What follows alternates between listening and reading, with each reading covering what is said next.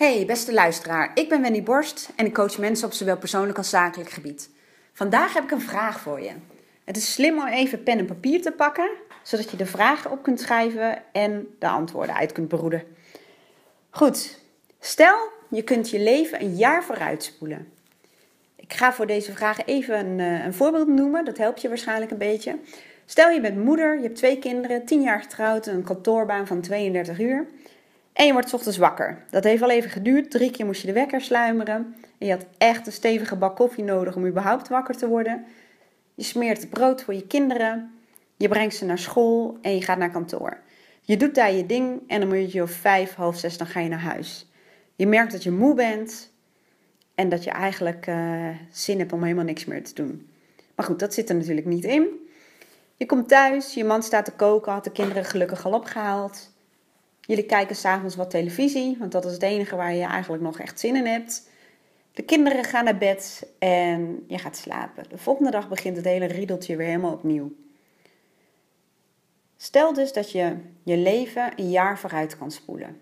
We houden nog even het voorbeeld aan van, uh, van deze mevrouw. Een jaar later kijk je terug op je leven in dat afgelopen jaar. Waar heb je dan gewoon heel erg veel spijt van? En zijn er dingen waarvan je baalt dat je ze niet hebt gedaan? Of misschien zijn er dingen waarvan je denkt, had ik, ja, dat had ik beter wel kunnen doen. Stel, de mevrouw in het verhaal heeft best wel spijt van dat ze heel weinig uh, echte aandacht had voor de kinderen en voor de man. Ze was er wel, fysiek, maar in de hoofd was ze eigenlijk altijd bezig met haar lijstje, dingetjes die nog gedaan moesten worden. En ze was vooral heel moe.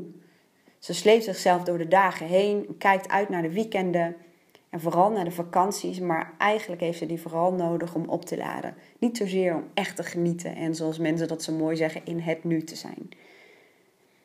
Spoel je je leven dan nog een paar jaar verder door, en als die mevrouw dat ook zou doen, dan kan het maar zo zijn dat kinderen uit huis zijn.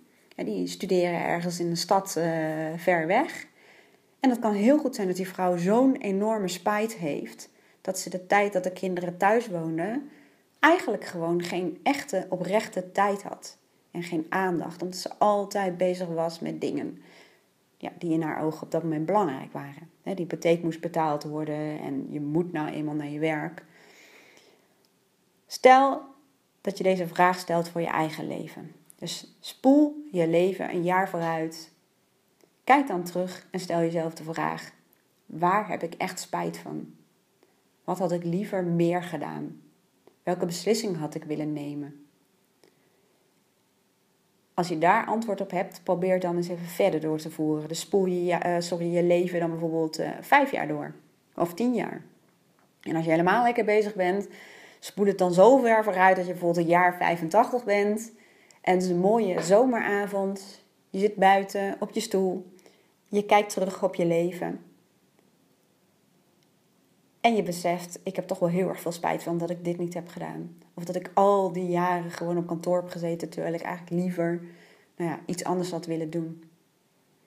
Probeer je dat gewoon eens voor te stellen. De reden waarom ik deze vraag stel, is omdat het vaak inzichtelijk maakt wat je eigenlijk het allerliefst zou willen doen.